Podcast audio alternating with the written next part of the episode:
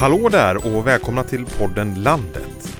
Var tredje bonde som driver lantbruk i Sverige är idag över 65 år gammal och kunskapen om de gröna näringarna måste nå den yngre generationen. Det fokuserar vi på idag.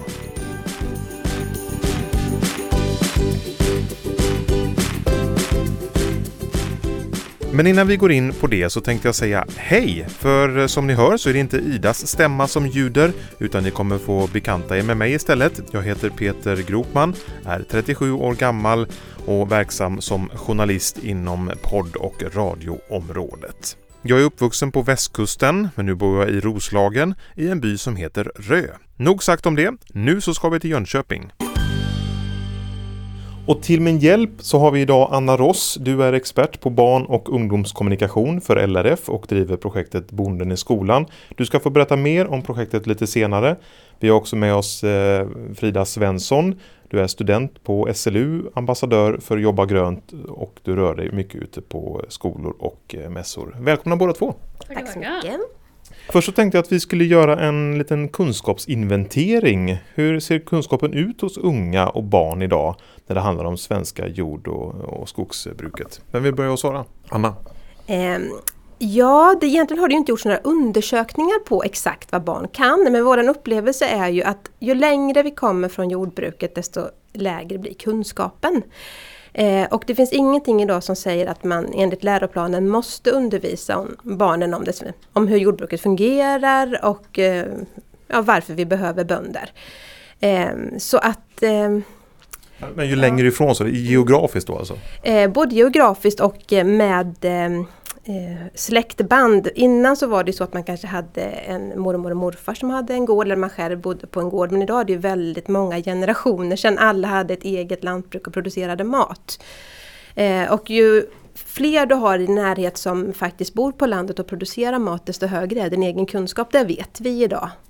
Eh, så att kunskapen är kanske lite större då i de eh, lantbrukstäta eh, delarna av landet gentemot de som bor i storstaden faktiskt. Frida, vad säger du? Nej men jag håller med Anna om det hon säger. Jag upplever också, som har varit ute på skolorna, att det är stor skillnad var skolan liksom ligger eh, i förhållande till stora städer eller om man är ute på en landsbygdsskola eller så. Eh, det gör också väldigt stor skillnad. Alltså det räcker att det finns en i en klass som kommer från lantbruk eller har kontakt med det så märker man stor skillnad på kunskapen överlag i klassen. Eh, och en liten provocerande fråga så här. Eh, varför behöver vi bönder? Ja, vi klarar oss ju inte utan mat och energi helt enkelt. Man kan undvara allt men inte maten. Men vi kan ju importera den.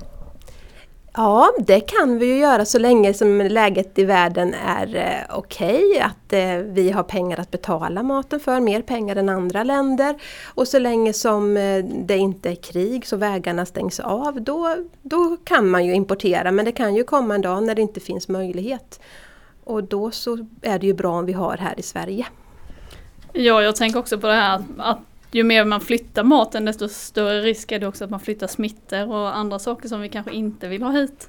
Eh, och därför kan det också vara viktigt att vi producerar säker mat i vårt eget land så vi vet att vi producerar mat som inte gör oss sjuka eller antibiotikaresistenta eller något annat. Eh, det är också viktigt att komma ihåg det här att vi har ett eget ansvar mot hela jordklotet och vi ska inte importera miljöproblem och vi ska inte bidra till mer klimatutsläpp än vad vi måste. Så gör vi det här hemma på bra sätt så behöver vi inte, då, då gör vi bra för världen också. Och, och, varför är det då viktigt för barnen att veta var maten kommer ifrån? Vet man vart maten kommer ifrån så får man också större respekt för råvaran. Man slänger mindre mat och man eh, man är beredd att betala mer för maten. Eh, och barnen är ju framtidens beslutsfattare också så att har de kunskap om hur maten produceras så kommer de säkert värna de frågorna i framtiden. Eh, vi tycker också att det är viktigt att baka in i all undervisning om lantbruk att det handlar inte bara om mat utan det handlar också om att vi löser många miljöbekymmer om vi producerar mat på rätt sätt. Och vilka miljöbekymmer är det vi löser då? Eh, allting som växer binder ju kol i marken. Så att ju mer vi har gröna saker som växer här, skog och grödor, desto mer binder vi kolet i marken och då minskar vi ju klimatpåverkan helt enkelt. Och du är expert på barn och ungdomskommunikation och jobbar med det som heter Bonden i skolan. Det får du berätta om. Vad är Bonden i skolan? Eh, Bonden i skolan är ett digitalt läromedel som lär barnen var maten kommer ifrån och varför vi behöver bönder. Eh, och det är ett projekt som egentligen är fyra år gammalt ungefär. Eh, och eh, Ursprunget var egentligen att LRF har alltid jobbat med frågor om, eh, som beskriver det svenska lantbruket för skolan, men vi hade en trycksproduktion och det blev eh, omöjligt för skolorna att ens beställa och betala portot för detta för att konstnaderna, ja, man fick ju inte betala för någonting. Eh, så då gjorde vi ett digitalt läromedel och det finns både fakta om det svenska jord och skogsbruket, det finns färdiga lektioner som är anpassade till läroplanen. Det finns quiz och det finns filmer och det finns lite olika pyssel och grejer så att man kan egentligen jobba med eh, våra frågor i alla ämnen från förskola till sexan. Och, och, och konkret i det här eh, digitala materialet då, vad, vad är det man ska lära sig? Ja, man lär sig allting från hur saker och ting växer, hur våra djur i Sverige har, våra lantbruksdjur har det. Eh, man kan lära sig om eh, de olika yrkena som finns inom det gröna näringslivet. Men framförallt så får man en helhetsbild som vi tycker är viktigt. Hur funkar kretsloppet? Hur funkar fotosyntesen? Vad har djuren för roll i det här kretsloppet? Hur får vi mat på tallriken? För en av de grejerna som jag har fått möta på riktigt, alltså när man är ute och träffar barn, man frågar var kommer maten ifrån? Då är första svaret, det kommer från affären ja men nu kommer det till affären, var finns det där? Ja men det, det, gör man väl någonstans. Så vissa barn har till och med en bild av att det finns en fabrik som gör maten. Man förstår inte att det är ett kretslopp, man stoppar ner någonting i jorden som växer upp och att det, liksom, det, kom, det finns ingen knapp man kan trycka på så att det fungerar. Och eh, hur, ehm, hur går det med, med, med liksom påverkansarbetet genom Bonden i skolan? Vi känner att vi får jättebra respons på detta och lärarna är tacksamma för att det finns ett material där det finns fakta som är granskat av experter, som är neutralt skrivet, där det finns lektioner som är anpassade till läroplanen. Vi hjälper dem att göra deras jobb. Och jag känner själv inte att det påverkar samarbete som är liksom ett syfte annat än att vi vill sprida kunskap och man själv får ta sin, bestämma vad man tycker om saker. Vi förklarar hur går det till och sen får barnen och lärarna själva göra en åsikt kring det. Tycker du att det behövs göra mer för att eh, de ska bli ännu bättre informerade i skolan? Min dröm är ju att alla barn ska lära sig var maten kommer ifrån. Eh, absolut, och, och, där är vi ju inte idag. Bonden i skolan är ett hjälpmedel och där har vi ja, någonstans mellan 500 och 1000 unika besök per dag. Eh, vilket betyder att det kan vara upp till 25 000 barn per dag som får lära sig om detta. Så det är en fantastiskt bra siffra men det är absolut inte alla. Och det, det skulle jag vilja att man någon gång under skoltiden får lära sig det. Eh, sen är det en annan viktig sak att dels kan man jobba digitalt med detta men det, den största påverkan blir om man får komma ut på en gård också. Att man får uppleva detta. Jag kommer själv ihåg när jag gick i trean fick komma ut till en bondgård.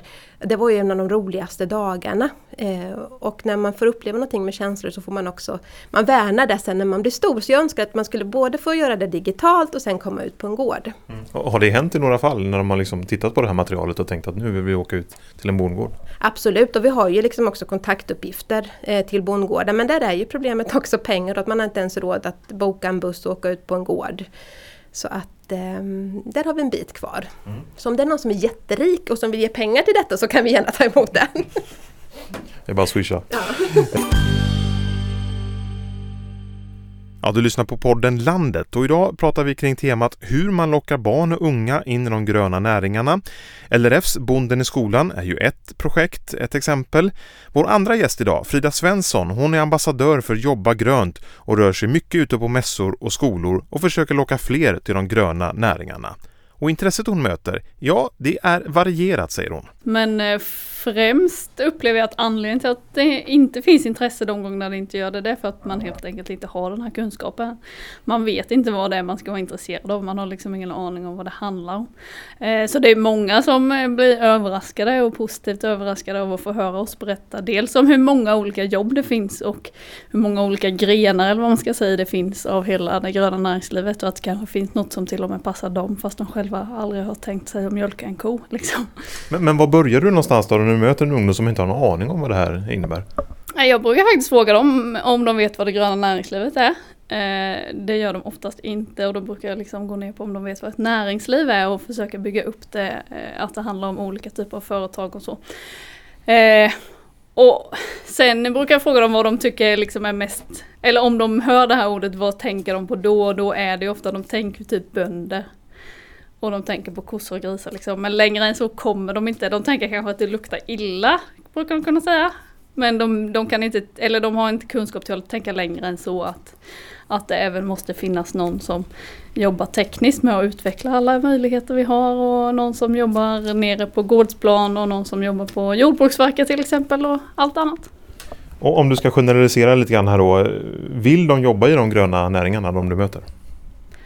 Oj, det är väldigt svårt att svara på men eh, jag tror att eh, deras intresse ökar av att höra vad vi har att berätta och få större förståelse. Sen är det jättesvårt att veta om de kommer sluta i det gröna näringslivet eller inte men jag hoppas ju det. Om inte de vill jobba där, vad är främsta anledningen till att de tänker nej det där var ingenting för mig? Ja men jag tror att det är i så fall att vi inte har fått ut den här bredden av vad det innebär. Alltså de tror fortfarande i så fall att man kan sitta i en skogsmaskin eller sköta hand om kossor liksom. De tänker inte på att man även kan projektera en biogasanläggning och vara en del i det gröna näringslivet. Men, men vad, vad, tror du att det här beror på då? Att eh, vissa inte har koll på det här? Jag tror det ligger mycket i det Anna pratade om innan, just att vi kommer längre ifrån eh, från lantbruket. Vi har inga släktingar som är lantbrukare. Vi åker inte till någon, eh, till någon lantgård på somrarna längre och så. Så vi har liksom inte den kopplingen och den förståelsen av vad det faktiskt innebär att arbeta med eller så kanske ska införa det här. Var det inte så förr i tiden att man liksom var sommarbarn på någon lantgård och sånt där? Jo, precis. Gärna för mig. Jag kan ta emot några. Okej, kunskapen är kanske inte alltid på topp hos ungdomar när det gäller det gröna näringslivet. Men det verkar finnas en medvetenhet hos unga när det gäller en gren av de gröna näringarna, nämligen matförsörjningen i Sverige. Man är till och med lite orolig för den. Ipsos gjorde en undersökning i oktober i fjol om detta. Tusen personer tillfrågades och hälften av dem oroade sig för den framtida matförsörjningen i Sverige. Och de som oroade sig mest det var unga mellan 16 och 29 år. Det är ju en känsla som man ska ta på allvar. Vi känner den själva att vi vill ju producera mer mat här i Sverige men det är inte så himla lätt att göra det. Tänk bara på torkan i somras. Vi har inte mer mat 2019 än vad vi hade 2018 utan det var ett tufft år. Eh, så det finns all anledning till att oroa sig och ta de här frågorna på allvar. Ehm. Så, så oron är befogad? Jag tycker faktiskt det. Mm. Vad tycker du Frida? Jo men jag håller med. Eh, jag upplever det som att många tar liksom mat och livsmedel som en självklarhet. Även energi tar vi som en självklarhet men det är det verkligen inte. Torkade så här eh, på andra delar i världen och vi inte kan importera mat heller så sitter vi rätt risigt till. Och de sista minuterna av landet ska vi bli lite mer lösningsorienterade. Hur ser receptet ut för att locka fler? Eh, jag tror ett recept är att få ut, eh, liksom, få dem att förstå hur mycket teknik det handlar om. Alltså många tror ju att, eh, vi, alltså jag kan ju få frågan om jag fortfarande mjölkar för hand när jag jobbar som avbytare. och det gör jag definitivt inte utan det finns ju både maskiner och även robotar som gör det åt mig så jag inte behöver mjölka alls. och den tekniken tror jag att det är många som har missat att vi använder oss av. och där tror jag vi kan få in ungdomar genom att förstå vad det är för hjälpmedel som finns och vilken teknik vi använder. Vad säger du Anna? Jag tror också att det handlar om att sälja in en ny livsstil. För livet på landet är ju fantastiskt, vet ju vi som har upplevt det. Eh, man har ju tillgång till naturen, man lever med årstiderna, man, man, kan skapa saker med sina händer och man kan utnyttja tekniken på ett fantastiskt sätt. Även om man sitter mitt ute i obygden så kan man faktiskt jobba mot New York och sälja sina produkter där med. Det, det liksom finns så många möjligheter och man behöver inte bo i stan utan vi försöker sälja in att, att livsstilen inom det gröna näringslivet är något fantastiskt och att man ska ge det chansen. Och när vi ändå så var inne på framtidsvisionerna här, hur ser behovet av arbetskraft ut framåt i tiden? Det finns ett väldigt stort behov av arbetskraft. Eh, dels av den anledningen att vi helt enkelt behöver bli fler som producerar mat. Eh, om vi ska kunna producera mat på ett hållbart sätt och som Anna pratade om innan inte påverka det globalt utan ta vårt ansvar i det hela. Eh, och då behövs det både egna företagare som vill producera mat men även anställda till dem och i andra led neråt eller uppåt eller vad man ska säga. Eh, ja det finns ju absolut eh, behov av arbetskraft i detta och jag tycker att man ska komma ihåg att det här är verkligen ett hållbart jobb. Vill man vara med och påverka framtiden och göra den ljus och grön då, då är det här en fantastisk möjlighet att kunna bidra. Vad händer om inte fler får upp ögonen för alla de yrken som finns i de gröna näringarna? Ja men då stannar ju utvecklingen upp helt enkelt. Då, då blir det inte mer eh, mat och det blir inte mer hållbar mat heller utan vi måste få in eh, människor som kan tänka lite nytt och utveckla där, mm, den tekniken som finns idag och göra den ännu bättre. Och vi behöver folk som tar tillvara de gamla erfarenheterna också och jobbar eh, med det som vi vet funkar. Kretsloppet är detsamma, fotosyntesen är detsamma, eh, vädret eh, är olika och det, behöver vi ha liksom erfarenhet in i också. Så att vi behöver gammalt och vi behöver nytt. Om vi ska blicka framåt här då ännu en gång och eh, vad, vad, tror ni om den unga generationen? Eh, dels som framtidens konsumenter, beslutsfattare och arbetstagare. Finns det något hopp? Ja men jag tycker definitivt det finns hopp. Jag tycker att man ser att eh, intresset liksom för miljön och klimatet och så ökar och får vi bara Får vi bara de unga då förstå att det gröna näringslivet hänger ihop med att vi ska kunna rädda klimatet och miljön så, så tror jag definitivt det finns hopp om att vi ska kunna, kunna rädda den här planeten ett tag till. Du ska också få framtidsspana. Jag tror absolut att det finns hopp om det. Det finns så många kreativa unga människor som vill förändra världen och göra bra saker. Och om de kommer till det gröna näringslivet så kommer det bli så himla bra. Vad är det roligaste med att jobba i det gröna näringslivet? Man jobbar med framtidsfrågor. Vi, vi, gör någonting för att världen ska bli bättre. Både idag och i framtiden. Vad tycker du? Men jag håller med om framtidsfrågor men också eh, just variationen. Att det finns så himla mycket att göra och eh, man får göra mycket själv. Liksom. Man får mycket ansvar och det är väldigt varierat. Och man gör det för framtiden. Liksom. Vill du veta mer om de olika insatserna som görs? Ja, då kan du gå in på bondeniskolan.se eller jobbagront.se. Och mer info om Landsbygdsnätverket finns som vanligt på landsbygdsnätverket.se. Där kan man också lyssna på tidigare poddavsnitt. Och nästa gång vi hörs här i podden då ska det handla om konsekvenserna av ett smalare EU-program. Landet är slut för idag. Peter Gropman heter jag och den här podden produceras av Iris Media på uppdrag av Landsbygdsnätverket. Vi hörs!